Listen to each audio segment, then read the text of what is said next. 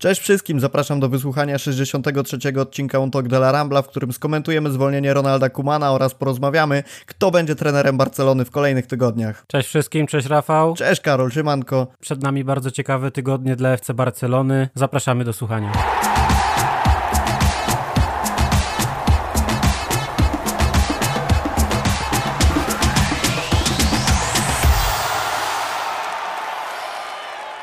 Kuman został zwolniony po dokładnie 435 dniach. 19 sierpnia 2020 roku został trenerem. 28 października 2021 roku tym trenerem być przestał. W tym czasie zanotował 67 meczów, 40 z nich wygrał, 11 zremisował, a 16 przegrał.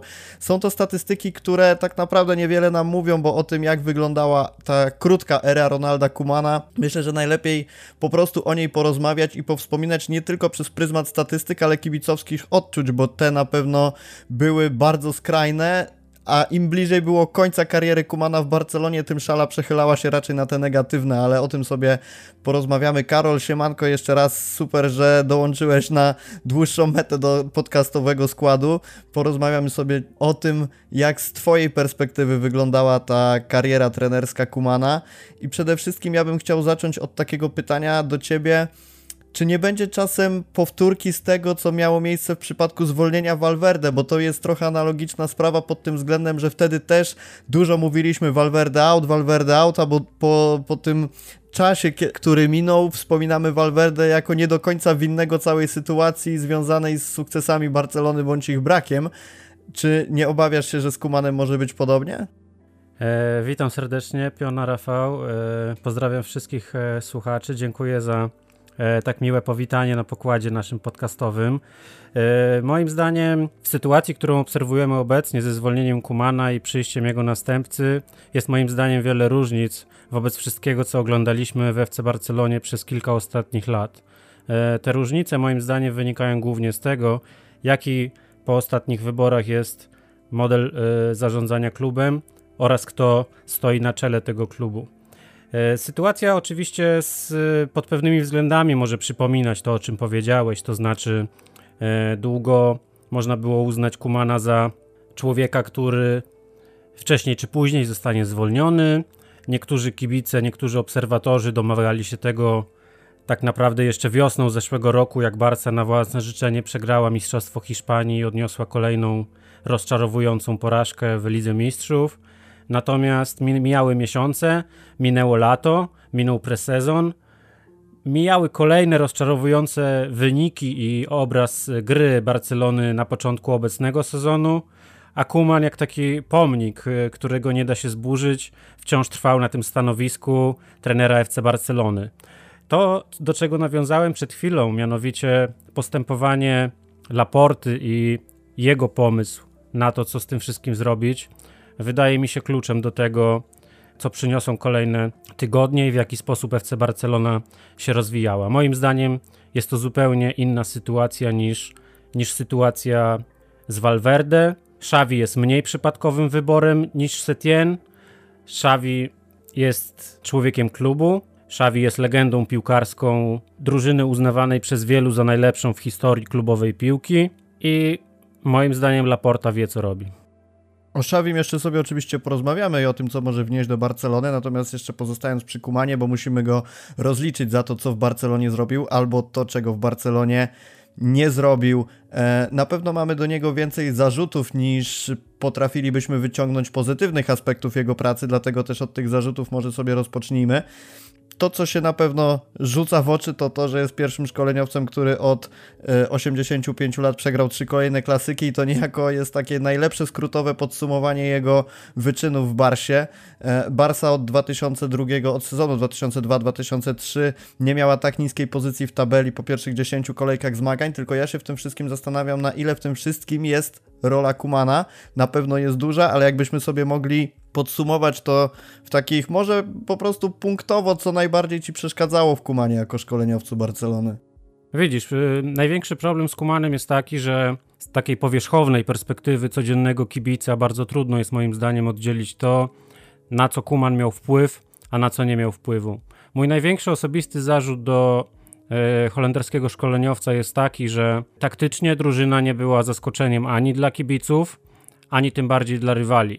Przed e, spotkaniami decydującymi, czy to o Mistrzostwie Hiszpanii, czy to w fazie pucharowej zeszłorocznej Ligi Mistrzów, każdy wiedział, jak zagra Barcelona Kumana, każdy wiedział, e, w jaki sposób rozwijane będą ataki, a że głównym orężem w ataku i tak naprawdę manewrem taktycznym Ronalda Kumana będzie wiosną e, gra na Messiego.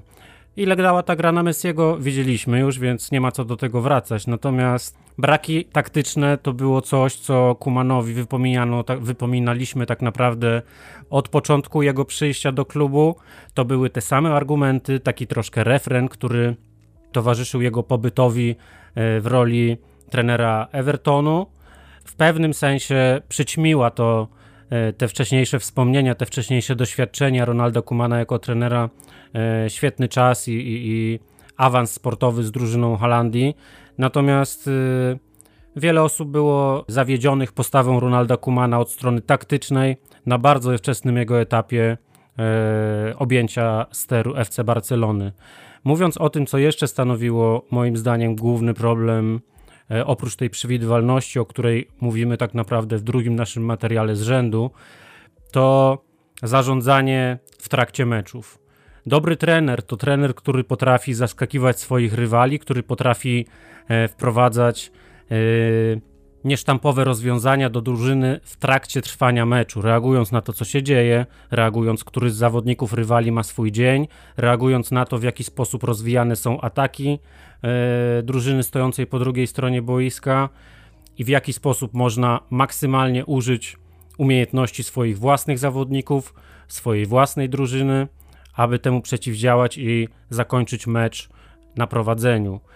W tym sensie Ronald Kuman bardzo rzadko dawał rozwiązania, które y, zmieniały losy ważnych spotkań, bo co innego jest y, wygrać mecz, który, którym rywal od początku oddaje pole i tylko czeka na y, ataki FC Barcelony, a co innego jest odwrócić losy meczu już po pierwszym gwizdku. Tutaj bardzo dobrym przykładem była postawa poza klasykami, które oczywiście wymieniłeś i wszystkim nam przychodzą tak naprawdę na myśl w pierwszej kolejności, to ja sięgnę po taki przykład troszeczkę zapomniany już, mianowicie postawę FC Barcelony w tym mini turnieju Superpucharu Hiszpanii.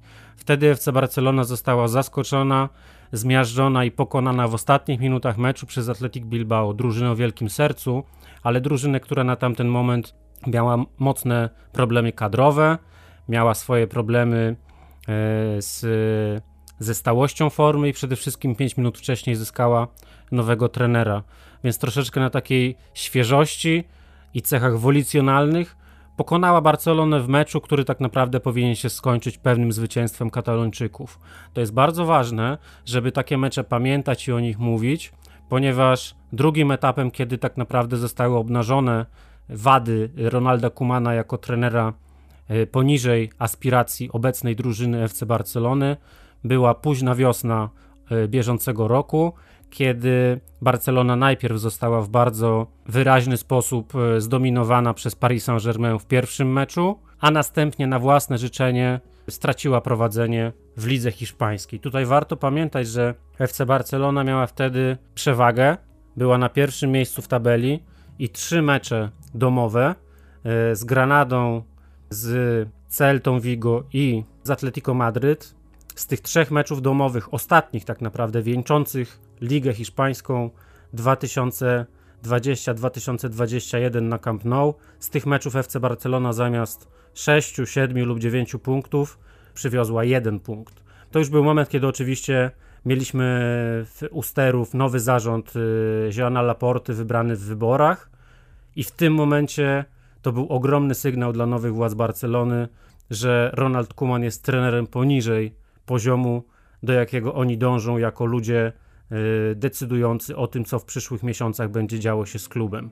Oczywiście to była jeszcze wiosna, to był jeszcze moment, kiedy sezon trwał i nie było analizy finansowej, która y, przyszła w kolejnych miesiącach, więc wtedy jeszcze y, Laporta i jego ludzie nie do końca zdawali sobie z tego sprawę, co odnajdą w archiwach i w tabelkach Excela. Natomiast już wtedy doszło do poczucia w gabinetach Laporty i jego ludzi, że no Kuman to raczej nie jest człowiek na lata tutaj w klubie. I to jest bardzo ważna rzecz odnośnie tego, w jaki sposób Barcelona utraciła to mistrzostwo w Hiszpanii, bo pamiętajmy, że wtedy zespół miał okres, kiedy zyskał naprawdę dobrą formę. Wielu zawodników y, zyskało wiodące role w zespole, ale przede wszystkim, jak to czasem lubimy mówić, zaczęli dowozić, czyli zaczęli realizować pewne oczekiwania, które miało, mieli od niego, które mieli od poszczególnych piłkarzy kibice, ale jak sądzę również trener. I takim piłkarzem na przykład był Griezmann, który był wiodącą postacią w zdobyciu przez Barcelonę Pucharu Króla. Takim piłkarzem byli niektórzy obrońcy. Mm, Busquets też miał wtedy bardzo dobry okres, a także Frankie de Jong, który tak naprawdę w zeszłym sezonie był jednym z czołowych strzelców całego zespołu. Jak sobie te elementy poskładamy i potem dochodzi do sytuacji, w której Barcelona w obu meczach prowadząc, to też jest bardzo ważne i to też pokazuje, jakby buduje nam obraz, jaki zostawił po sobie Ronald Kuman na zakończenie rundy wiosennej, prowadząc w obu meczach zarówno z Celtą Vigo, jak i e, z Granadą. FC Barcelona te mecze przegrywa po golach, straconych w końcówkach meczów, na własne życzenie, w bardzo, bardzo złym stylu. To nie chodzi o to, że mecz można zawsze przegrać i zremisować, ale chodzi też o to, w jaki sposób do tego dochodzi. I w lokalnych mediach, ale też y, mm, tutaj w, rozmowach y, tak naprawdę na całym świecie różnych obserwatorów i komentatorów zaczęły przedzierać się do mediów doniesienia o tym, że to był moment, kiedy w Kumana Laporta zaczął wątpić. Ja myślę, że z tego co powiedziałeś wynika bardzo taki jasny obraz sportowo-psychologiczny Kumana, na który e, wszyscy kibice tak naprawdę zaczęli już pod sam koniec narzekać i to co powiedziałeś trochę zahaczając temat od końca, to jak się sprawdzał w decydujących meczach, meczach, które miały dużą wagę, jeżeli chodzi o Barcelonę.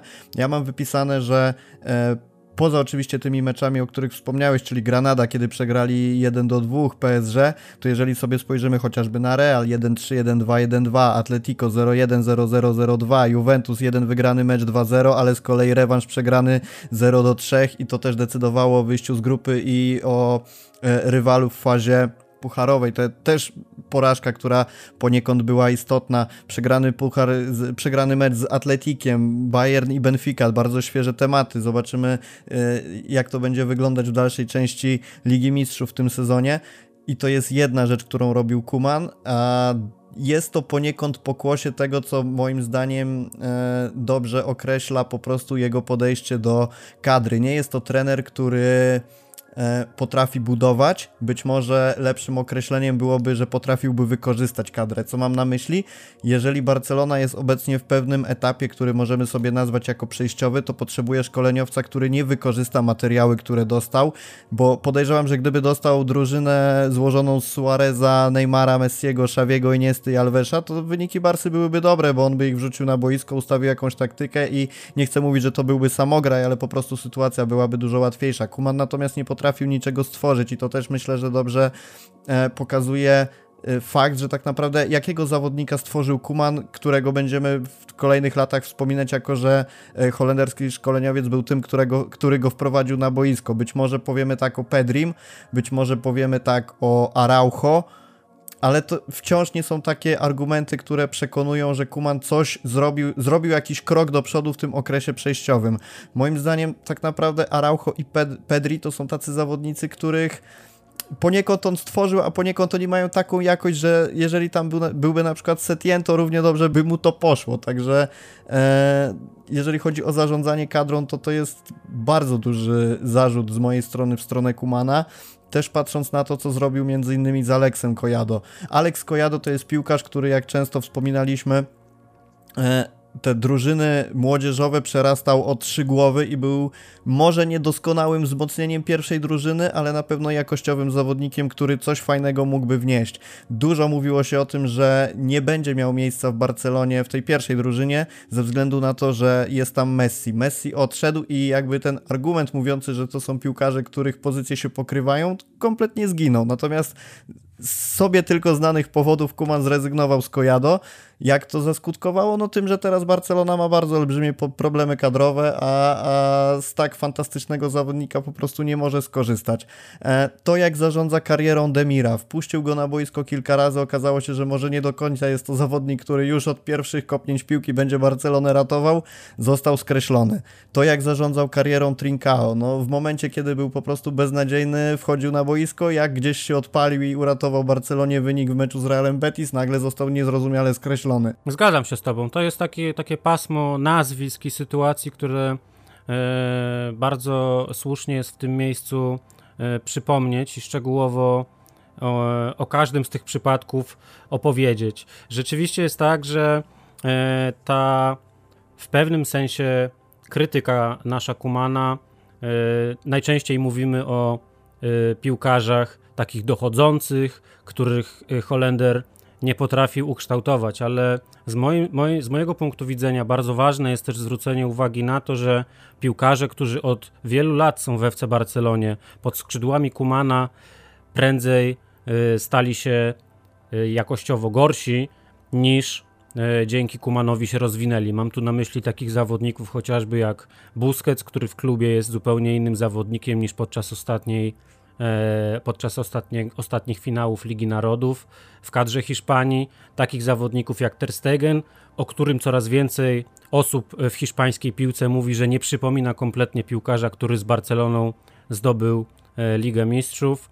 Jordi Alba, Sergi Roberto, Gerard Piqué, te nazwiska też można mnożyć, ale to jest moim zdaniem bardzo istotna część analizy pracy Ronalda Kumana, że wszyscy ci zawodnicy doświadczeni przy nim zanotowali wyraźny regres. Nawet nie taki regres na zasadzie kilku procent wydajności, skuteczności czy kilku asyst mniej na sezon. Nie, mówimy tutaj o, we wszystkich tych przypadkach wymienionych zawodników, o których wspomniałem przed momentem, o spadku o kilka pięter tak naprawdę, jeśli chodzi o ich postawę na boisku. I tutaj szczerze mówiąc, nawet nie powiedziałbym, że to jest wyłącznie wina Ronalda Kumana, ale także wina jego sztabu. Jeżeli tak doświadczona osoba jak Alfred Schroeder, e, czy tak doświadczony napastnik jak Henka Larsson nie potrafią w pewnym sensie pobudzić czy e, zmobilizować dzięki swojej wiedzy i ogromnemu doświadczeniu.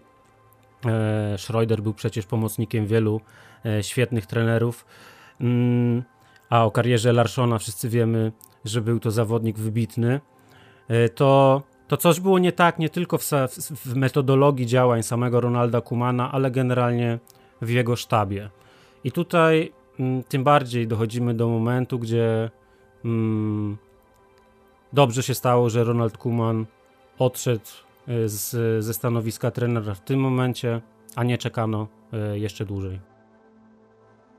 Zastanawia mnie jedna rzecz, którą napisałeś e, przed naszym nagraniem, to znaczy, że jest to najlepszy moment na zwolnienie Kumana i popraw mnie jak się mylę, bo może źle zrozumiałem tę wiadomość, ale czy nie uważasz, że lepszy moment byłby na przykład podczas e, letniego okna transferowego, żeby, że niekoniecznie powinni, powinien zarząd czekać na te decyzje aż do października?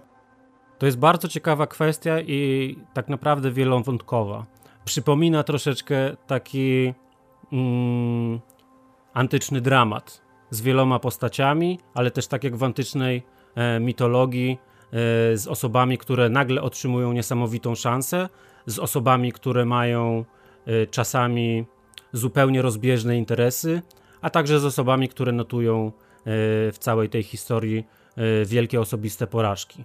Na chwilkę zatrzymam się jeszcze E, przed przy Kumanie, zanim przejdę do tego, do rozwinięcia tego wątku, ponieważ moim zdaniem Ronald Kuman zrobił też wiele dobrego podczas swojej, e, może niewiele, ale na pewno zrobił e, dużo dobrych rzeczy jako trener FC Barcelony. Nie wolno zapominać, że to było jego ogromne marzenie od wielu, wielu lat.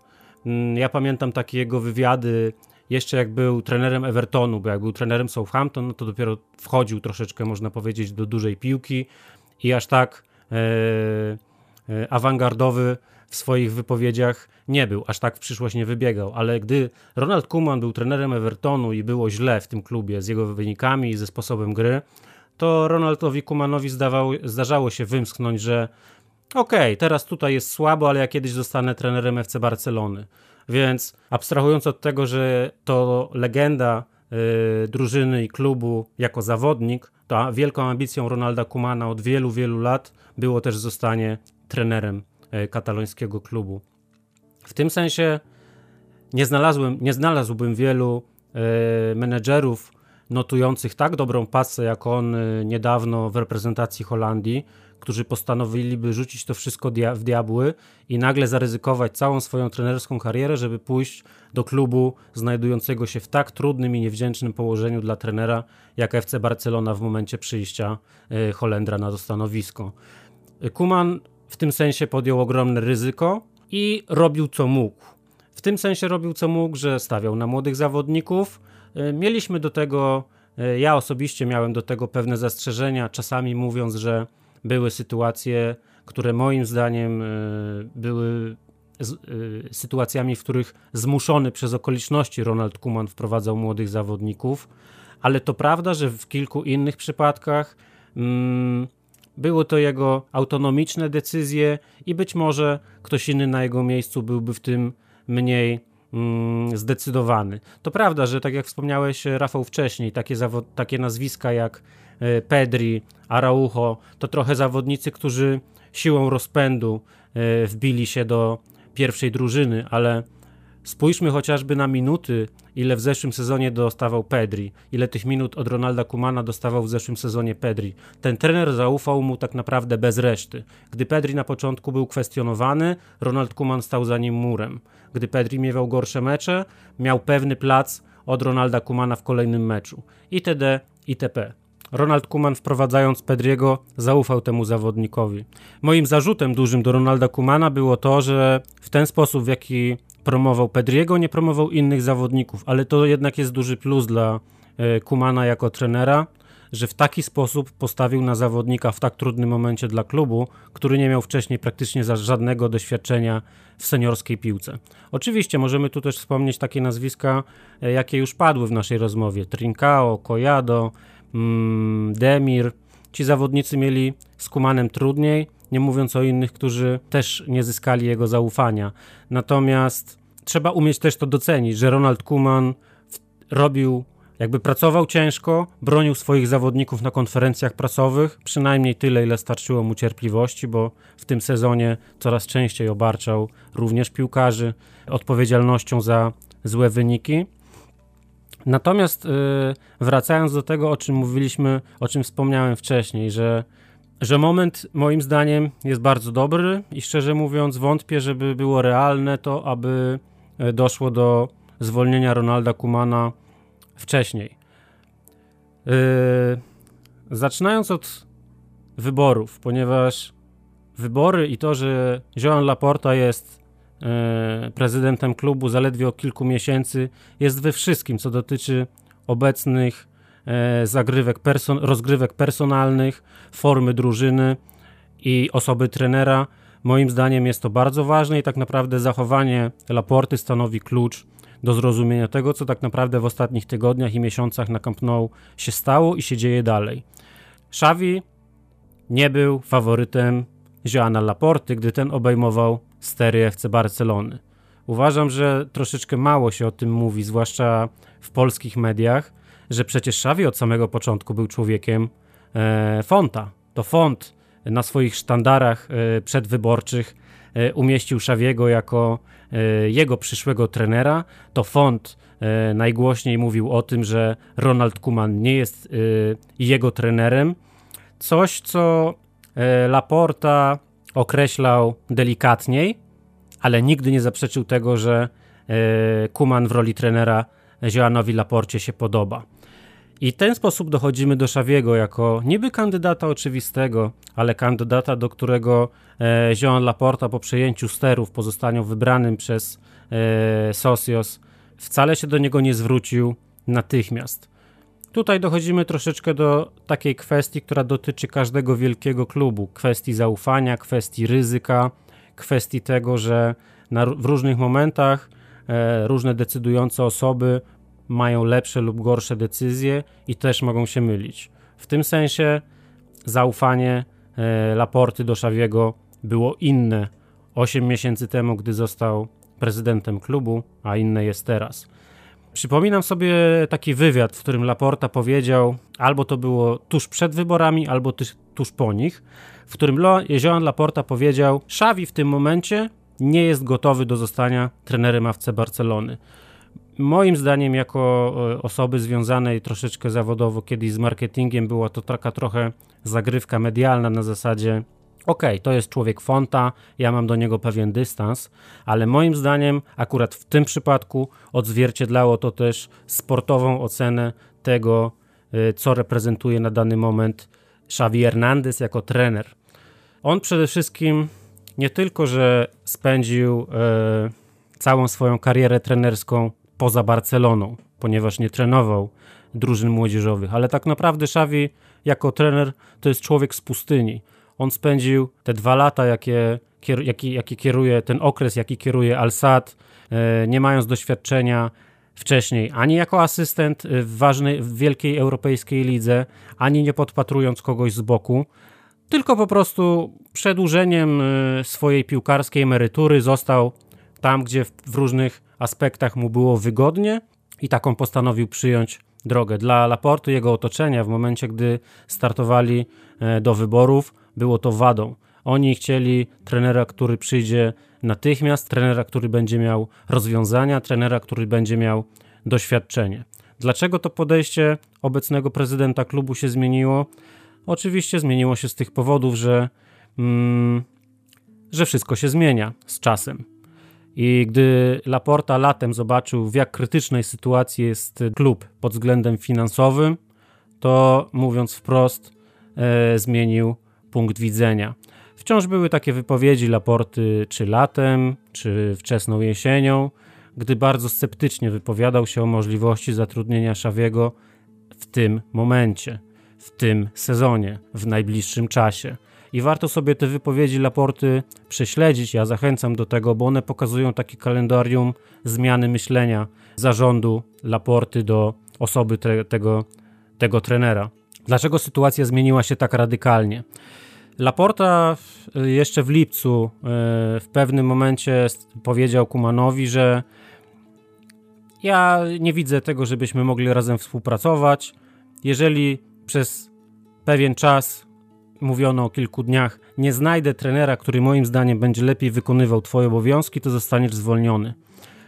Laporta wrócił do E, do Kumana zmuszony sytuacją. Nie znalazł po prostu nikogo, kto w tym momencie, tego lata, przy tych wszystkich e, rzeczach, które, które działy się na Camp Nou, w środku tego tajfunu, gdy odchodzi Messi, gdy e, brakuje pieniędzy, gdy nie ma transferów i tak dalej, nie było żadnego reno, renomowanego trenera, który przyszedłby na Camp Nou. W tym sensie Laporta został z Kumanem latem z konieczności, a nie chciał albo nie było to jeszcze możliwe, e, żeby zacząć e, z, powodów, o których powiedziałem wcześniej, żeby zacząć kontaktować się z Szawim. Tutaj troszeczkę warto powiedzieć, moim zdaniem, o tym, jaka była osobista relacja Joana Laporty z Szawim na przestrzeni ostatnich miesięcy.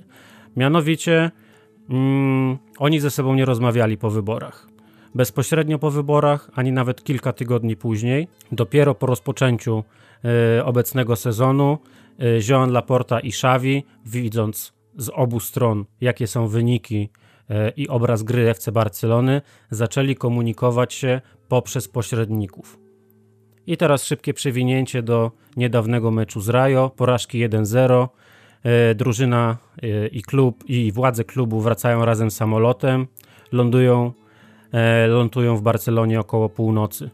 18 minut po północy zostało ogłoszone zwolnienie w zeszłą środę, czyli tak naprawdę można powiedzieć kalendarzowo w czwartek, zostało ogłoszone zwolnienie Ronalda Kumana. Tej samej nocy e, Joan Laporta zadzwonił do Xaviego.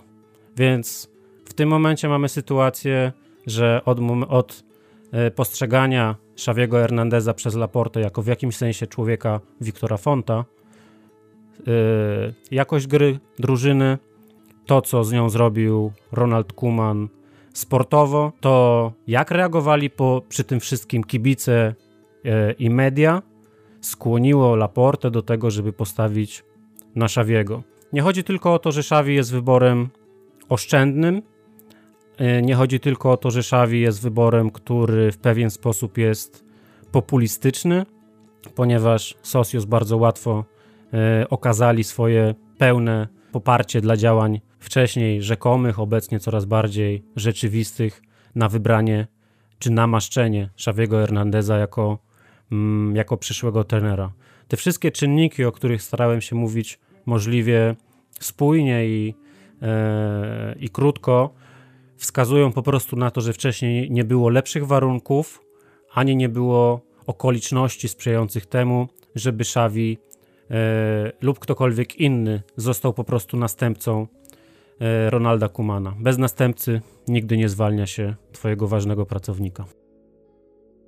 A nie masz wrażenia, że zarządzanie Laporty obecnie to jest coś bardziej przypominające doraźne działanie i reagowanie na sytuacje kryzysowe na zasadzie e, coś się dzieje, więc muszę szybko wymyślić, a nie jakikolwiek, bra- a nie jakikolwiek plan, który ma przygotowany, bo dla mnie to jest podobna sytuacja do tego, co się działo z Messi. Mieliśmy długi czas obietnicę, że zostanie, Messi wiadomo odszedł.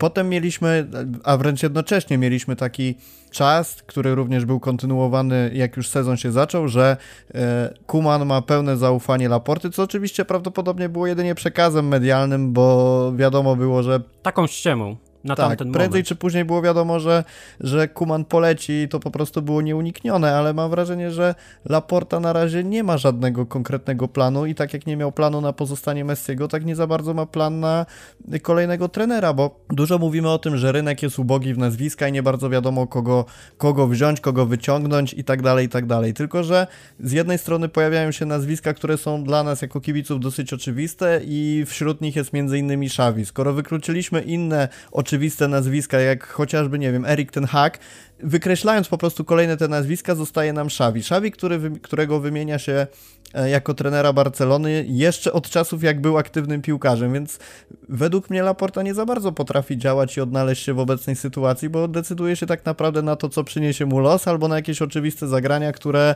no być może się sprawdzą, być może nie. I wtedy jeżeli zatrudni Xaviego, bo my trochę mówimy o tym w czasie dokonanym, ale ciągle czekamy na oficjalne ogłoszenie, to oczywiście wszystko będzie super i fajnie, ale zastanawiam się, czy Laporta, będąc już na miejscu, w którym się znalazł, nie powinien wymyślić czegoś, co też by zaskoczyło, podobnie jak zarzucaliśmy Kumanowi brak zaskoczenia nas, może Laporta też powinien zrobić coś takiego, co nas, kibiców, by zaskoczyło. Jakaś taka nie, niestandardowa decyzja, jakieś wyciągnięcie trenera, który niekoniecznie jest znany i jest na tej liście tych pewniaków do zastąpienia Kumana.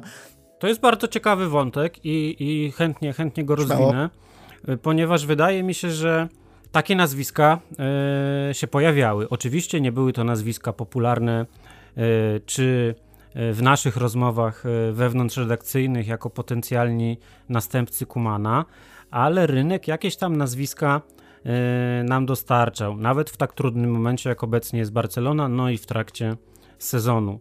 Mówiono chociażby o trenerze River Plate Marcelo Gallardo, wschodzącej gwieździe tak naprawdę całej południowoamerykańskiej e, piłki, trenera mającego bardzo dobrą prasę i e, trenera, który na pewno wcześniej czy później obejmie y, czołowy klub w Europie. Wobec tego ja nie mam osobiście żadnych wątpliwości. Pojawiało się też nazwisko Roberta Martineza i tutaj ta, ta opcja była rzekomo przez otoczenie Joana Laporty bardzo y, mocno eksplorowana. Okazało się, że przed, ze względu na ograniczenia finansowe y, FC Barcelony, to znaczy brak możliwości zapłacenia odszkodowania belgijskiej federacji, Mm, rozpatrywanie przyjścia e, Roberto Martineza w trakcie obecnego sezonu okazało się niemożliwe. Mm, kolejnym nazwiskiem pojawiającym się oczywiście w ostatnich e, tygodniach był też będący obecnie na, na takim trenerskim urlopie, można powiedzieć, Antonio Conte. No ale tutaj mm, cały zarząd obecny FC Barcelony zdawał sobie sprawę, jak bardzo e, nazwisko tak obce kulturowo barcelonizmu i, i, i ofensywnej, otwartej piłce, jaką niezmiennie na Camp Nou e, wszyscy chcą oglądać. E, jak bardzo takie nazwisko jak Conte ludziom by się nie spodobało. Niezależnie od tego, jakie by miał na początku wyniki, to po prostu otoczenie, kibice, socios byliby od pierwszego dnia tej kandydaturze e, przeciwni. Ja szczerze mówiąc liczyłem też na to, że na ten rynek nazwisk, na te giełdy nazwisk trafi też Hernan Crespo, który w Europie jest kojarzony z racji swojej e, fenomenalnej e, kariery w Serie A, ale to też jest młody, perspektywiczny e, argentyński trener, któremu coraz więcej obserwatorów piłki w Ameryce Łacińskiej przepowiada taką samą drogę jak, e, jak Diego Simeone, który przecież też zaczynał od e, e, Deportivo Avellaneda i no, musiał, musiał wspiąć się po, po szczebelkach, żeby wylądować w tym miejscu, gdzie, gdzie jest obecnie, mm, czyli na, na, pułapie, na pułapie Atletico. Więc w tym sensie te, te nazwiska mam wrażenie, że były, natomiast moim zdaniem chodzi tutaj, jakby najważniejsze w tym wszystkim było to, co, jaki Laporta ma plan, ponieważ możemy spekulować o tym, czy jego decyzje są dobre, czy jego decyzje są odpowiednie na dany moment, ale moim zdaniem nie powinniśmy mieć wątpliwości, obserwując to, co po wyborach robi Jean Laporta, że w tym, co robi, jest konsekwentny. Yy, spójrzmy w historię. Historia jest taka, że gdy Laporta zostawał prezydentem klubu po raz pierwszy, to postawił na trenera niedoświadczonego, trenera żółtodzioba. Kim teraz jest ten trener? Jednym z najlepszych w branży. Mowa oczywiście o Pepie Guardioli. Wydaje mi się, że to, co Laporta próbuje w tym momencie zrobić, to jakaś forma powtórki tej historii. To znaczy przywrócić barcelonizmu dumę i zadowolenie z tego, w jaki sposób grają piłkarze, poprzez po pierwsze promowanie młodych zawodników i to zostało już rozpoczęte podczas kadencji Kumana. Następnie pozbycie się z drużyny tych sytych kotów i przejawem tego było rozstanie się z Leo Messim i w pewnym sensie bardzo gorzki sposób. I ten sposób też moim zdaniem mógłby być przyjemniejszy ze strony Laporty, ale on po prostu podjął taką decyzję i przy niej został. Był w niej konsekwentny, więc to rozstanie nie mogło być ani trochę cieplejsze moim zdaniem. Do tego jest kolejny aspekt, czyli mm, taka właśnie gra na dwa albo nawet trzy fronty z Ronaldem Kumanem. Z czego ona w ogóle wynikała? To też jest bardzo ciekawe pytanie i moim zdaniem to trochę wynikała z tego, że mm, od pierwszego dnia, jak przyszedł Laporta do klubu, Kuman nie był jego człowiekiem. Kuman był człowiekiem Bartomeu, został przez niego zatrudniony, pracował w klubie zanim wybrano Joana Laportę i wiedzieli o tym wszyscy kandydaci e, startujący w niedawnych wyborach. Ci sami kandydaci widzieli też, co przez te kilka miesięcy, praktycznie cały sezon, Ronald Kuman jako trener pokazał. Więc zastąpienie Kumana kimkolwiek przez Laportę było dla mnie jedynie kwestią czasu. Po pierwsze dlatego, że był człowiekiem poprzedniego zarządu, który to zarząd został na wielu frontach skompromitowany dopiero po tym, jak skończył się poprzedni sezon, a dodatkowo wyniki Ronalda Kumana i jego drużyny z zeszłego sezonu oraz to, w jaki sposób drużyna przegrała na własne życzenie Mistrzostwo Hiszpanii w, w okolicznościach, o których już mówiliśmy, nie sprawiały, że Kuman będzie wyborem długookresowym. To małżeństwo z rozsądku trwało dalej, ale od, od tak naprawdę wiosny, gdy skończyły się wybory, trochę nad nim taki miecz wisiał, kiedy to małżeństwo zostanie wreszcie przerwane. I nawiązując tutaj do tego, co powiedziałem o wcześniejszym wyborze przez wyborze Guardioli przez, e, przez e, Laporte, no to wrócę troszkę do tego, że, że ten Xavi no to wcale nie był pierwszym wyborem obecnego prezydenta. To jest właśnie ciekawe, że Laporta w swoi, mając swoich innych kandydatów, chociażby Roberto Martineza, bo to nie jest żadna tajemnica, że Roberto Martinez był jednym z prywatnych faworytów Jeana Laporty, to jednak w tym momencie stawia na Szawiego. Ja chcę tutaj w tym momencie bardzo po, po, jasno y, powiedzieć, że Szawi tak naprawdę już jest y, Rafał trenerem Barcelony, tylko ta wiadomość nie została jeszcze podana do publicznej informacji. Wszystkie osoby będące medialnie blisko klubu, blisko Laporty, umiejące czytać między wierszami, są pewne, że cały ten okres przejściowy, powołanie Sergiego Barchuana jest przygotowane właśnie pod przyjście Szawiego. Jednym z powodów tego stanu rzeczy i bardzo, bym powiedział, w cwany sposób zaplanowanego etapu wymiany trenera jest to, że po pierwsze, Xavi kilka dni temu w piątek kończył ważnym meczem Al-Sad, finałem Pucharu, taki decydujący etap sezonu w Katarze. I prawdę mówiąc, ja się spodziewałem jeszcze kilka dni temu, znając jakby datę tego meczu, że Xavi do Barcelony przyjdzie no w sobotę, w niedzielę i już w meczu z Dynamem zasiądzie na ławce hmm, Blaugrany. Tak się nie stało. I zacząłem się zastanawiać dlaczego. I w tym momencie patrzę na to tak, że żaden trener, a tym bardziej trener, który dopiero wchodzi do wielkiej piłki, nieważne czy jest legendą klubu czy nie, nie chciałby zacząć od porażki w tak ważnym meczu, w tak decydującym o całym sezonie starciu jak mm, wtorkowy mecz w Kijowie. Nieważne, czy się nazywasz Jose Mourinho, czy się nazywasz Xavi, czy się nazywasz Max Allegri, żaden trener nie chciałby objąć drużyny tak naprawdę kilkadziesiąt godzin przed spotkaniem tego kalibru. I wydaje mi się, że cały ten ciąg zdarzeń, który obserwujemy od końcówki zeszłego tygodnia, czyli zwolnienie Kumana, przyjście Sergiego Barhuana, niby wszyscy wiedzą, że przyjdzie Xavi, ale jeszcze nikt tego nie, nie, nie ogłosił i tak dalej, to wskazuje po prostu na to, że Xavi powiedział jasno mm, Joanowi Laporcie, że okej, okay, mm, ja bardzo chętnie przejmę Barcelonę w tym momencie, ale dopiero po meczu z Dynamem.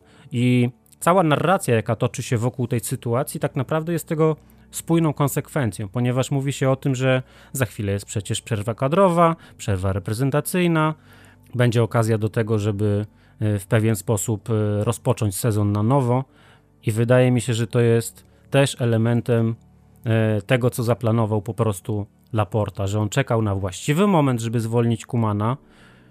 Jak będzie miał zielone światło też od Katarczyków, bo nie, nie ma co się oszukiwać, że mm, w, klu, w klubie Al-Sad wszyscy są bardzo szczęśliwi, że oni tracą Szawiego jako trenera, zwłaszcza, że staje się to rok przed planowanym mundialem w Katarze. Wyobraźmy sobie sytuację, że Xavi jest tam trenerem, jak ten mundial trwa i ile, jakie to by miało korzyści marketingowe dla kraju i dla katarskiego futbolu.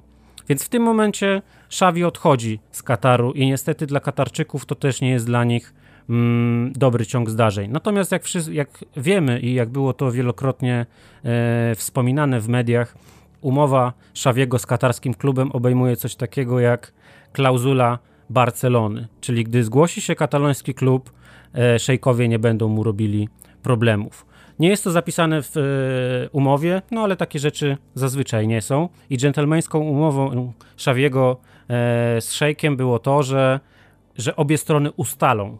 Nie będzie to coś na zasadzie jednostronnego wypowiedzenia umowy z, ze strony Szawiego, jak się zgłosi do niego e, FC Barcelona, tylko po prostu e, obie strony się dogadają. W tym sensie widzimy też tutaj efekty takiego ciągu zdarzeń, że Barcelona daje czas zarówno sobie, jak i Szawiemu, żeby mm, i Katarczykom, tak, katarskiemu klubowi, żeby wszystkie strony mm, tego dramatu tak naprawdę się E, spotkały we wspólnym punkcie. Chodzi przede wszystkim oczywiście o to, że Barcelona nie ma za co zapłacić choćby nawet miliona czy dwóch euro odszkodowania katarskiemu klubowi za odejście przedwczesne Szawiego, skoro, jak czytaliśmy niedawno w hiszpańskiej prasie, kataloński klub ma co prawda 20 milionów w budżecie około e, wolnych środków na zakontraktowanie nowego piłkarza lub piłkarzy w zimowym oknie transferowym, ale na nowego trenera i jego sztab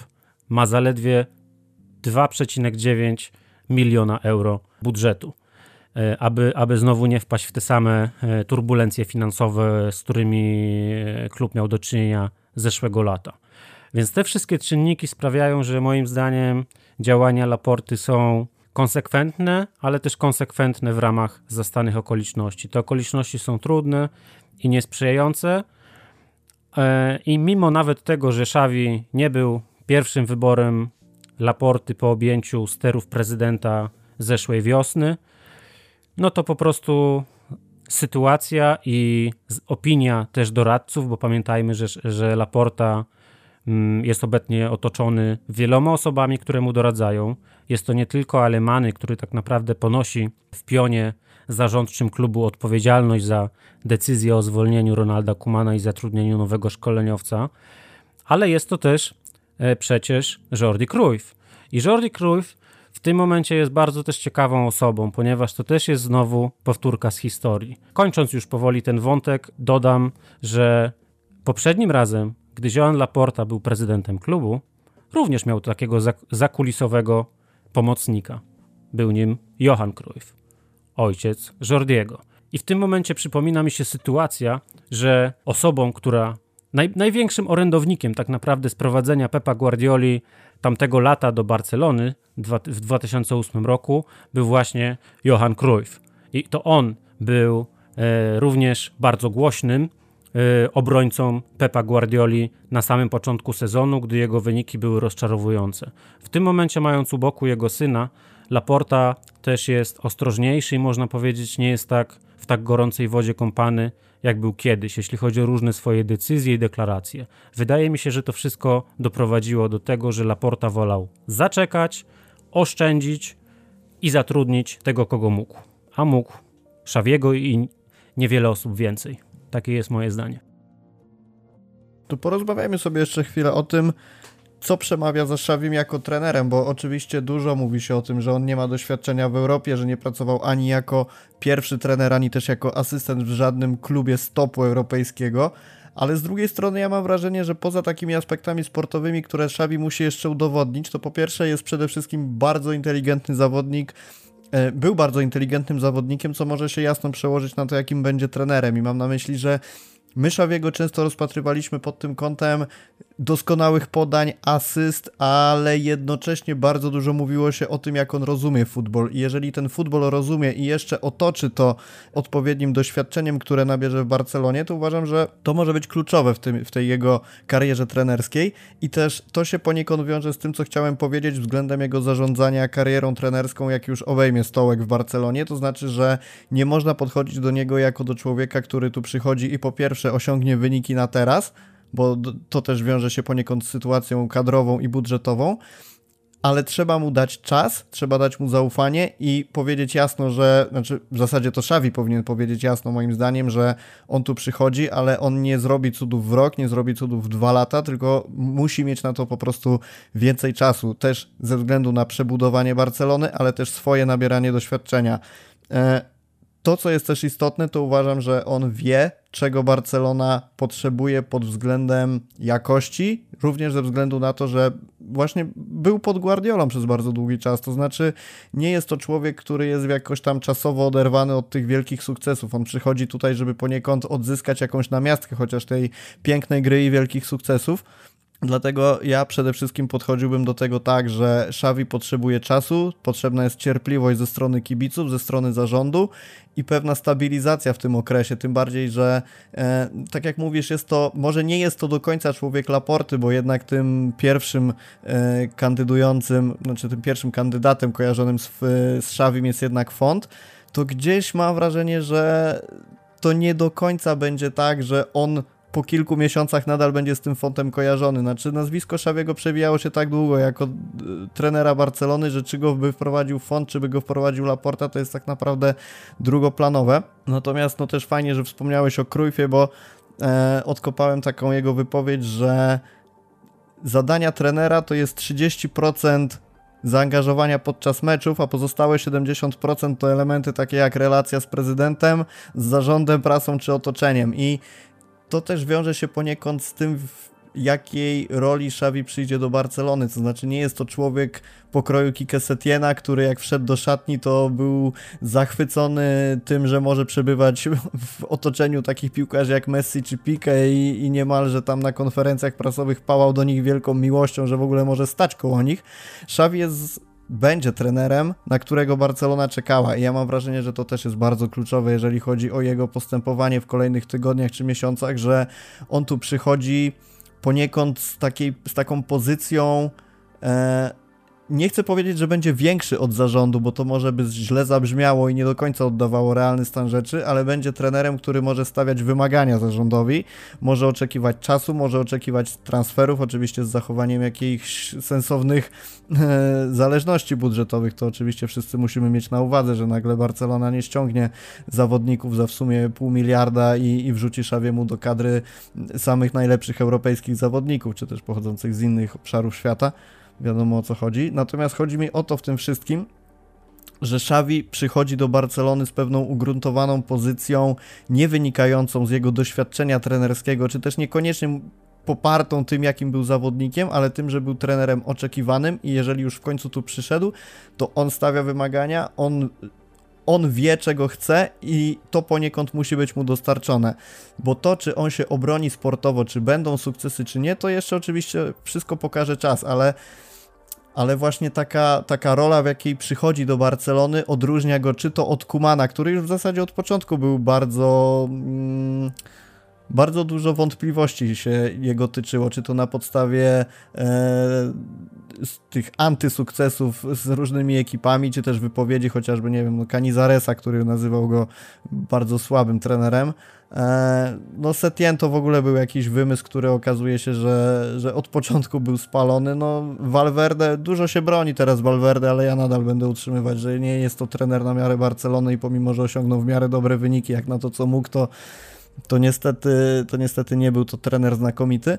E, natomiast właśnie. Wyniki w Lidze Mistrzów za Valverde mówią swoje. No, prawda? No dokładnie. Natomiast Xavi przede wszystkim pod tym względem, że, że jest to człowiek, na którego czekaliśmy i to też może dać mu czas. Co, co ty takiego widzisz przemawiającego za Xavim? Widzisz, to co mówisz, to są moim zdaniem bardzo ważne kwestie, ponieważ mm, w pewnym sensie obecna sytuacja, w której to Barcelona jest na musiku, i Laporta, jako osoba, która oczywiście Szawiego zatrudnia i sprowadza do klubu, sprawia, że e, Katalończyk może też stawiać e, Barsy w tym momencie pewne warunki. Wrócę na chwilkę jeszcze do tego, e, jaką rolę miał pełnić Szawi w projekcie Wiktora Fonta. Ponieważ jest to o tyle istotne, że w projekcie Wiktora Fonta Szawi miał być więcej niż trenerem. Font ogłaszał i, i jakby nie stanowiło to dla nikogo śledzącego e, wybory w katalońskim klubie nie, nie stanowiło to tajemnicy, że e, Xavi miał otrzymać od Wiktora Fonta e, stanowisko kogoś na zasadzie menedżera w trochę w angielskim modelu piłkarskim. To, przy czym z, ze skrojonymi pod Camp Nou obowiązkami i uprawnieniami. To znaczy nie tylko miał Xavi być osobą, E, gdyby fond wygrał wybory, która trenowałaby pierwszą drużynę i odpowiadała za transfery, ale również Xavi miał mieć nadzór nad e, całym futbol base, czyli barcelońskim futbolem młodzieżowym. Więc w tym momencie jego rola w projekcie Laporty no zmienia się tak o powiedzmy e, kilka wielkości. I jeżeli Xavi po przyjściu teraz do klubu ma być tylko trenerem, no to wydaje mi się, że Laporta po pierwsze miał tego świadomość, że u Fonta Xavi byłby osobą znacznie ważniejszą w klubie i mającą większe prerogatywy.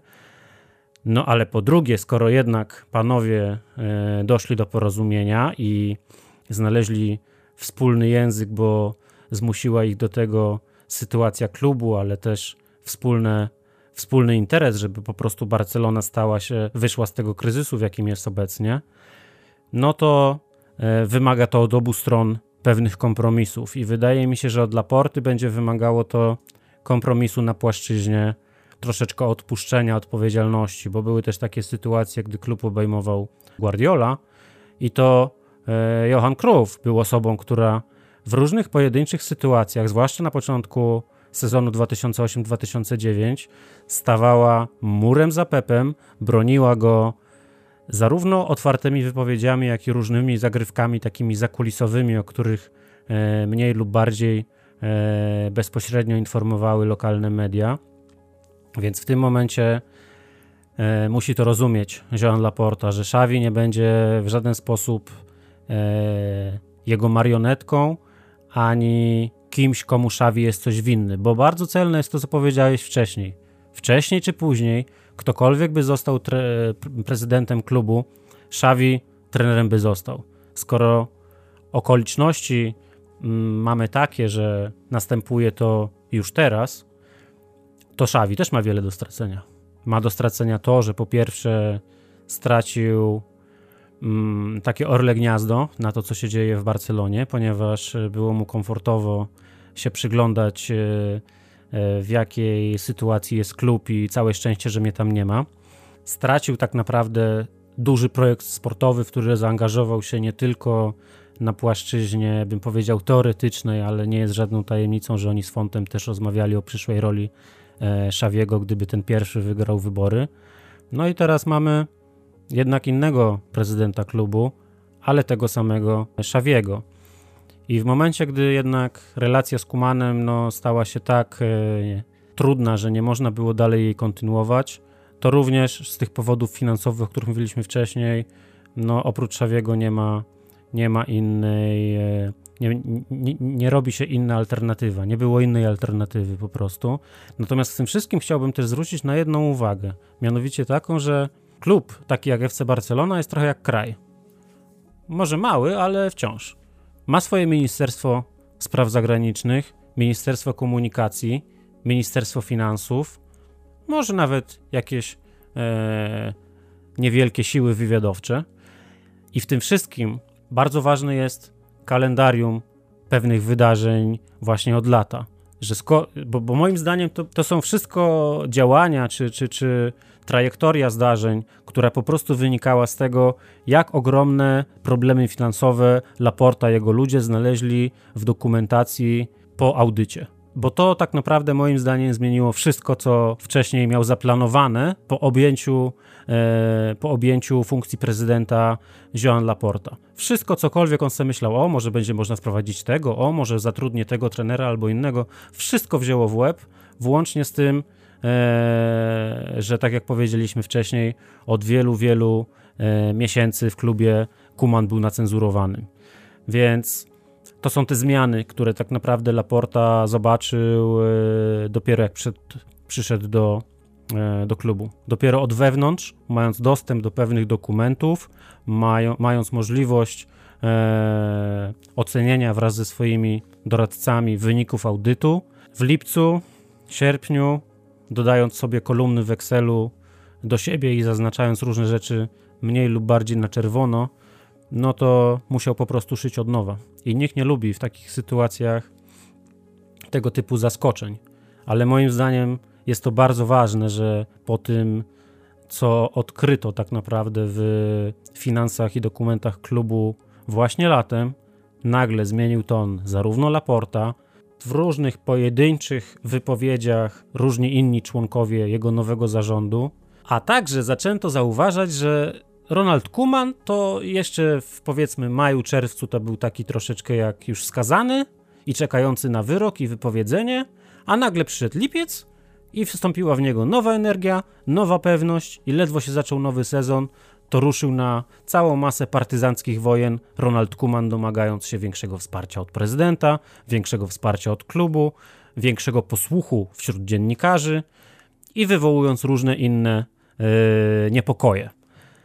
Więc moim zdaniem to wszystko po prostu yy, tworzy spójną całość i sprawia, że yy, nowy prezydent, który myślał, że bardzo szybko się starego trenera pozbędzie, został przez sytuację w klubie zweryfikowany.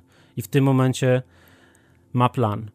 Ten plan rzeczywiście sięga po osobę, która wchodzi do klubu mm, bez doświadczenia trenerskiego, ale jednocześnie moim zdaniem jest to duża szansa dla Szawiego, bo mm, dlaczego on po prostu tutaj przychodzi? Jakby mógłby wybrać lepszy moment, ale wydaje mi się, że to też jest dla Szawiego dużo, duża szansa w tym sensie, że on jako trener dostanie od Laporty wolną rękę. W, w, kontekście tego, co powiedziałem o jego ewentualnej roli e, w klubie prowadzonym przez Wiktora Fonta, myślę, że jest to bardzo ważne, żeby zrozumieć, że, że Xavi wcale nie musiał przyjąć zaproszenia Laporty do trenowania klubu w tym konkretnym momencie. I skoro się na to decyduje lub zaraz zdecyduje, to moim zdaniem klub i zarząd Laporty w pewnym sensie też będzie musiał mm, ułatwiać Szawiemu wejście do drużyny, wejście do klubu w nowej roli. Odpuszczać, dawać mu więcej odpowiedzialności i przede wszystkim obdarzyć go tym, co powiedziałeś e, kilkanaście minut temu, zaufaniem. To znaczy nie oczekiwać, że Szawi w 5 minut zmieni świat i Barcelona zacznie pokonywać najmocniejsze ekipy e, w grze. Nie, tak na pewno nie będzie i w tym sensie wydaje mi się, że będzie duża cierpliwość ze strony Laporty, klubu, drużyny, a także dziennikarzy katalońskich i hiszpańskich, aby Szawiemu dać dużo więcej spokoju, dużo więcej cierpliwości, dużo więcej czasu niż miał Ronald Koeman. Nie tylko dlatego, że Xavi jest legendą znacznie bardziej niedawnych czasów co Holender, ale też dlatego, że sytuacja jest jeszcze gorsza sportowo niż wtedy, kiedy stanowisko obejmował Ronald Koeman. Sytuacja, gdy mamy po, położone na talerzu wypowiedzi i cyfry e, świadczące o tym, że klub jest w bardzo, bardzo złej kondycji finansowej, oznacza, że tak naprawdę każdy tydzień jest do stracenia, każdy miesiąc jest bardzo ważny e, nadchodzącego sezonu i trzeba ogromnej wrażliwości w tej sytuacji, aby mm, sytuacja się nie pogorszyła. W tym sensie zaufanie Szawiemu przez Laportę, mimo wcześniejszych zastrzeżeń, ale też po cierpliwym słuchaniu rad od, od takich ludzi w klubie jak Alemany czy Krauf, to wydaje mi się, że, mm, że ten kredyt zaufania Szawi otrzyma i, i otrzyma go na długie, długie tygodnie. To w takim razie jeszcze jedna rzecz, bo trochę ominęliśmy aktualnego trenera Barcelony, który co prawda jest w okresie przejściowym e, i, i, nie spodziewamy się, że tak, e, że zostanie na dłużej, bo to było jedno z moich pytań do ciebie, czy uważasz, że Sergi Barjuan może objąć stanowisko trenera pierwszej drużyny na dłużej niż te kilka nie, nie meczów, może. ale, ale to już sobie wyjaśniliśmy, może. myślę, tak. jasno tak. i, i, ja te, tak samo jak ty uważam, że to jest po prostu na te 1, 2, 3 mecze max. E, natomiast podejdzie do meczu, który na pewno będzie bardzo ważny w kontekście reszty sezonu, to znaczy mecz z Dynamem e, we wtorek w Lidze Mistrzów, który tak naprawdę zadecyduje o być albo nie być Barcelony w dalszej części rozgrywek. E, bez analizowania tego, jak wygląda sytuacja punktowa obecnie, bo Barcelona musi ten mecz po prostu wygrać i tu nie ma jakiegokolwiek innego rozwiązania e, sytuacja kadrowa jest jaka jest. Jeżeli sobie wypiszemy zawodników takich jak Roberto Araujo, Pique, Nico, Pedri, Frankie, Aguero, Dembele czy Fati, to wychodzi nam bardzo fajna jedenastka do wyjściowego składu, ale niestety jest tak, że tak. jest to jedenastka kontuzjowanych. Co prawda Dembele i Fati tak. i Frankie podobno pracują już z drużyną na treningach, natomiast no wiadomo, że na pewno nie, nie są to zawodnicy, którzy prawdopodobnie wystąpią od pierwszej do ostatniej minuty. Na ławce będziemy mieć pewnie takie postaci jak Neto, Umtiti, Balde, Demir czy Luke de Jong. To również nie są nazwiska, które przekonują, że Barcelona do tego meczu podejdzie w jakimś super optymalnym składzie. No ja sobie próbowałem wypisać, jak ten skład powinien wyglądać wyszło mi, że obrona Mingeza, Eric Longle, Alba w pomocy Busi, Gavi, Nico i atak Memphis, Coutinho i Dest. No to nie jest coś, co... To nie jest skład, którym powinniśmy wychodzić na najważniejsze mecze sezonu, jeżeli chodzi o, o Ligę Mistrzów, a niewątpliwie no, znaleźliśmy się w sytuacji, kiedy mecz z Dynamem takim właśnie jest. Bądź co bądź jesteśmy w takich czasach, że walczymy o wyjście z grupy i taki status ma jeden z ważniejszych meczów w Lidze Mistrzów. Ten mecz, tak ale jak ty do tego podchodzisz, tak? W telegraficznym skrócie, czy po pierwsze, czy Barcelona powinna, czy może czy powinna zrobić wszystko, żeby wygrać, to, to, to źle brzmi, ale czy chodzi mi raczej o to, czy ewentualna porażka Barcelony będziesz ją odbierał jako coś bardzo negatywnego, czy po prostu jako jeden z etapów w drodze do budowania lepszej drużyny, który musimy zaakceptować i przymrużyć oko i czekać na lepsze czasy? Widzisz, ja bardzo yy, byłem pozytywnie zaskoczony przebiegiem meczu z Alaves, ponieważ yy, w tym meczu Barcelona pokazała jedną bardzo ważną rzecz. Ile zależy od yy, mobilizacji piłkarzy. Jak ważną cechę w piłce, nawet na najwyższym pierwszoligowym poziomie w jednej z, w jednej z najtrudniejszych rozgrywek w Europie, mm, odgrywa, odgrywa chęć, odgrywa to, żeby, żeby zawodnikom chciało się chcieć. I w tym sensie Barcelona nie schodząc przez ogromne e, e, fragmenty pierwszej połowy e, z 30 metra od bramki, od bramki mm, Basków, zrobiła na mnie zaskakująco dobre wrażenie. Oczywiście nie był to mecz typu wszystko się odmieniło jak za jakimś dotknięciem czarodziejskiej różdżki. Nie, nic takiego, nic takiego się nie stało, ale po prostu to, jak wyglądała drużyna, jak biegali zawodnicy, jak doskakiwali do rywala, jak bardzo, yy, jak dużą zmianę pokazał w swojej, yy, w swoim podejściu yy, do gry yy, Memphis Depay, który był pierwszy w pressingu, E, który pokazywał też e, rękami kolegom z drużyny, w jaki sposób mają e, mu pomóc w tym pressingu, w jakie rejony boiska mają się udać. Gra wzajemna, tempo. To, jakie tempo było niektórych wymian piłki między Albą, Memphisem i innymi piłkarzami, no to prawdę mówiąc, ja się czułem, jakbym wsiadł do Deloriana i wsiadł gdzieś do, i wysiadł z niego dwa albo trzy lata temu. Więc to naprawdę było, była inna jakość, po prostu. Nawet jeżeli wynik był mm, dla, dla, dla pewnych osób rozczarowujący, to moim zdaniem to po prostu pokazuje, ile można zmienić innym podejściem. W tym sensie patrzę na mecz z Dynamem jako konsekwencję tego, co powiedziałem. To znaczy, mm, można narzekać, że to był tylko remis, że Alaves strzeliło bramkę zaraz po tym, jak Barcelona zdobyła własną, że obrońcy pozwolili Riosze na, na, na zdobycie jednej z najpiękniejszych e, bramek całego sezonu tak naprawdę, gdy, gdy, gdy mogli go po prostu na dowolnym etapie tej akcji sfaulować, ale tak po prostu jest. Obrona Barcelony wciąż jest sitem i, i nie zmieni tego ani przyjście Sergiego, ani przyjście ewentualne Szawiego ani nawet nie zmieniłoby moim zdaniem y, z tygodnia na tydzień przyjście takiego speca od defensywy jak Antonio Conte. Natomiast y, jeżeli rzeczywiście dojdzie do tego, że mecz z Dynamem skończy się wynikiem rozczarowującym dla katalońskiego klubu, to moim zdaniem trudno. Trzeba umieć się z tym zmierzyć, umieć stawić czoła takiemu kryzysowi. E, oczywiście hiszpańskie media już wyliczyły, ile to będzie kosztowało i FC Barcelona straciłaby co najmniej 16 milionów euro na tym, gdyby e, nie awansowała do fazy pucharowej e, Ligi Mistrzów.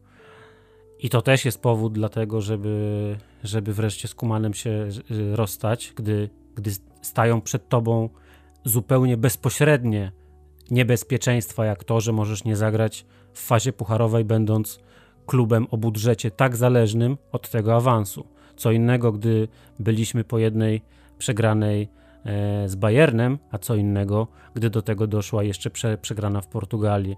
Więc to też są te elementy, które moim zdaniem przyczyniły się do tego, że dopiero fakty e, przekonały e, część władz FC Barcelony do tego, żeby podjąć tak radykalną zmianę. Ale mm, wracając do tego, o co pytałeś, to jeżeli Barcelona przegra z Dynamem, moim zdaniem to trudno, bo jeżeli w takim miejscu jest obecnie klub, że nie będzie mógł e, pokonać e, drużyny z Ukrainy, no to z każdego dna też się trzeba umieć odbić. I e, to też będzie mocny sygnał, ile pracy jest przed drużyną, przed nowym sztabem trenerskim, przed całym klubem. Jeżeli dojdzie do tego, że mm, ten mecz nie zostanie wygrany, to właśnie ja nie przejmowałbym się tym, że, że, że może to odnieść jakieś strasznie dalekosiężne efekty negatywne dla wszystkich na Camp Nou. Bo paradoksalnie tego typu sytuacje w wielkich drużynach, w wielkich klubach, a mimo przejściowego kryzysu Barcelona wciąż do nich należy, należy do tej europejskiej elity piłkarskiej, to takie sytuacje sprawiają, że mm, łatwiej się odbić, ponieważ masz coraz mniej oczekiwań coraz mniej mm, masz presji otoczenia, że jeżeli, mm, że wygrasz kolejny klasyk, że skończysz y, y, sezon ligowy na tym czy innym miejscu. Prawdę mówiąc, to są idealne w tym momencie warunki dla Szawiego, żeby pokazać, ile jest warty, ale też, żeby pokazać, że z tymi piłkarzami jednak można grać piękną piłkę. Jeżeli to tak naprawdę też jest ogromny powód tego, że Xavi tutaj do klubu przychodzi, ponieważ on z tą piękną piłką e, jest, e, jest utożsamiany. I takiego trenera, człowieka klubu, e, ikony drużyny Pepa, grającej pięknie, grającej ofensywnie, grającej z rozmachem, grającej szybkimi podaniami, takich ludzi teraz potrzebuje klub, aby nie tylko odbić się sportowo, ale też odbić się mentalnie, uwierzyć, że jednak ten skład nie jest taki zły. I wydaje mi się, że przyjście Szawiego, niezależnie od tego wyniku mm, meczu we wtorek, może mieć dla klubu taki efekt, że właśnie yy, on pomoże się rozwinąć takim piłkarzom z kryzysem tożsamości jak, yy, jak Frankie de Jong, jak Coutinho, jak Memphis Depay, który coraz częściej w ostatnich tygodniach zwątpił, po co on przyszedł do klubu i jaka jest jego rola na boisku. Myślę, że po prostu e, zmiana trenera e, na człowieka klubu pozwoli tym wszystkim zawodnikom nabrać mm, oddechu, perspektywy i wiary w tego, że oni w tym sezonie jeszcze mogą coś osiągnąć, bo bez tej wiary żaden z nich e, nie wyjdzie na boisko po zwycięstwo.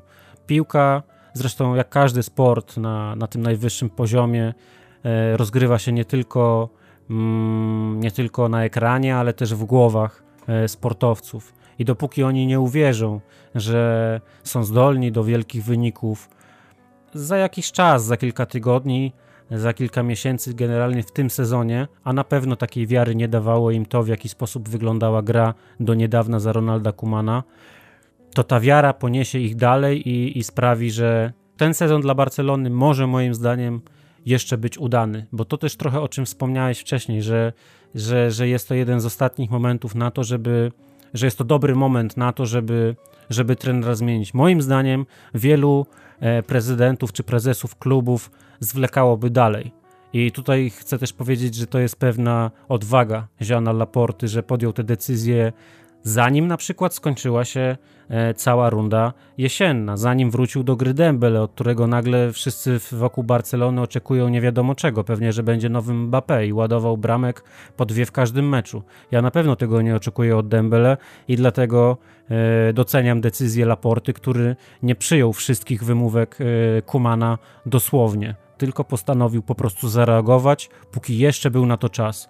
I myślę, że też zmiana w kalendarzu może stanowić takie nowe otwarcie dla Barsy. Nowy rok, runda wiosenna, nowe szanse. Z tego co, yy, z tego, co wiem, to po yy, telefonie yy, Laporty do Szawiego y, tuż po meczu z Vallecano, to sztab Szawiego już od czwartku tak naprawdę przygotowuje plan mini presezonu y, dla pierwszej drużyny na czas przerwy reprezentacyjnej. Czyli to nie jest tak, że, mm, że Xavi przychodzi troszeczkę w środku cyklonu i bez jakiegoś konkretnego planu. Nie, tylko już nawet w tym momencie, gdy rozmawiamy, toczy się praca, żeby Barcelona w tym sezonie jak najszybciej grała lepiej. I w pewnym sensie to też jest duża szansa dla drużyny, dla poszczególnych piłkarzy, że że ta przerwa reprezentacyjna jest zaraz i będą mieli okazję te dwa tygodnie, przynajmniej część z nich, popracować e, z Szawim i jego sztabem, bo mm, niezależnie od tego, jaki będzie wynik meczu z Dynamem, to tak naprawdę do końca sezonu jest jeszcze bardzo daleko. I jeżeli drużyna znajdzie środki, żeby, e, żeby, e, żeby się rozwijać, no to, to będzie notowała lepsze wyniki.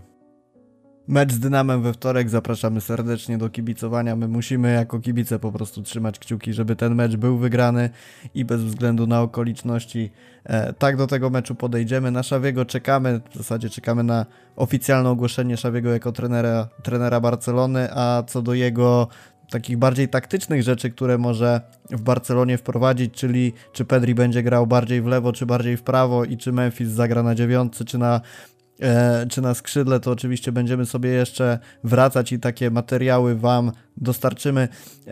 Karol Chowański był gościem dzisiejszego podcastu. Świetny, merytoryczny materiał. Mam nadzieję, że Wam również się podobał. Jeżeli tak, łapka w górę, subskrypcja kanału, żeby nie ominęły Was żadne informacje. Dzięki serdeczne, Karol, i mam nadzieję, że do usłyszenia, w, jeżeli nie w kolejnym odcinku, to na pewno niedługo, bo e, wnosisz bardzo dużo do, do Untok de la Rambla i bardzo przyjemnie mi się Ciebie słucha i na pewno nasi słuchacze też to potwierdzą.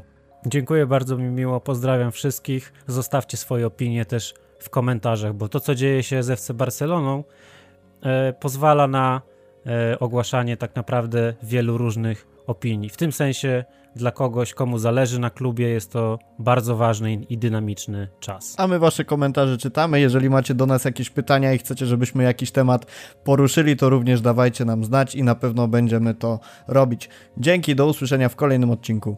Trzymaj się, Rafał, dziękuję serdecznie, pozdrawiam wszystkich polskich kules.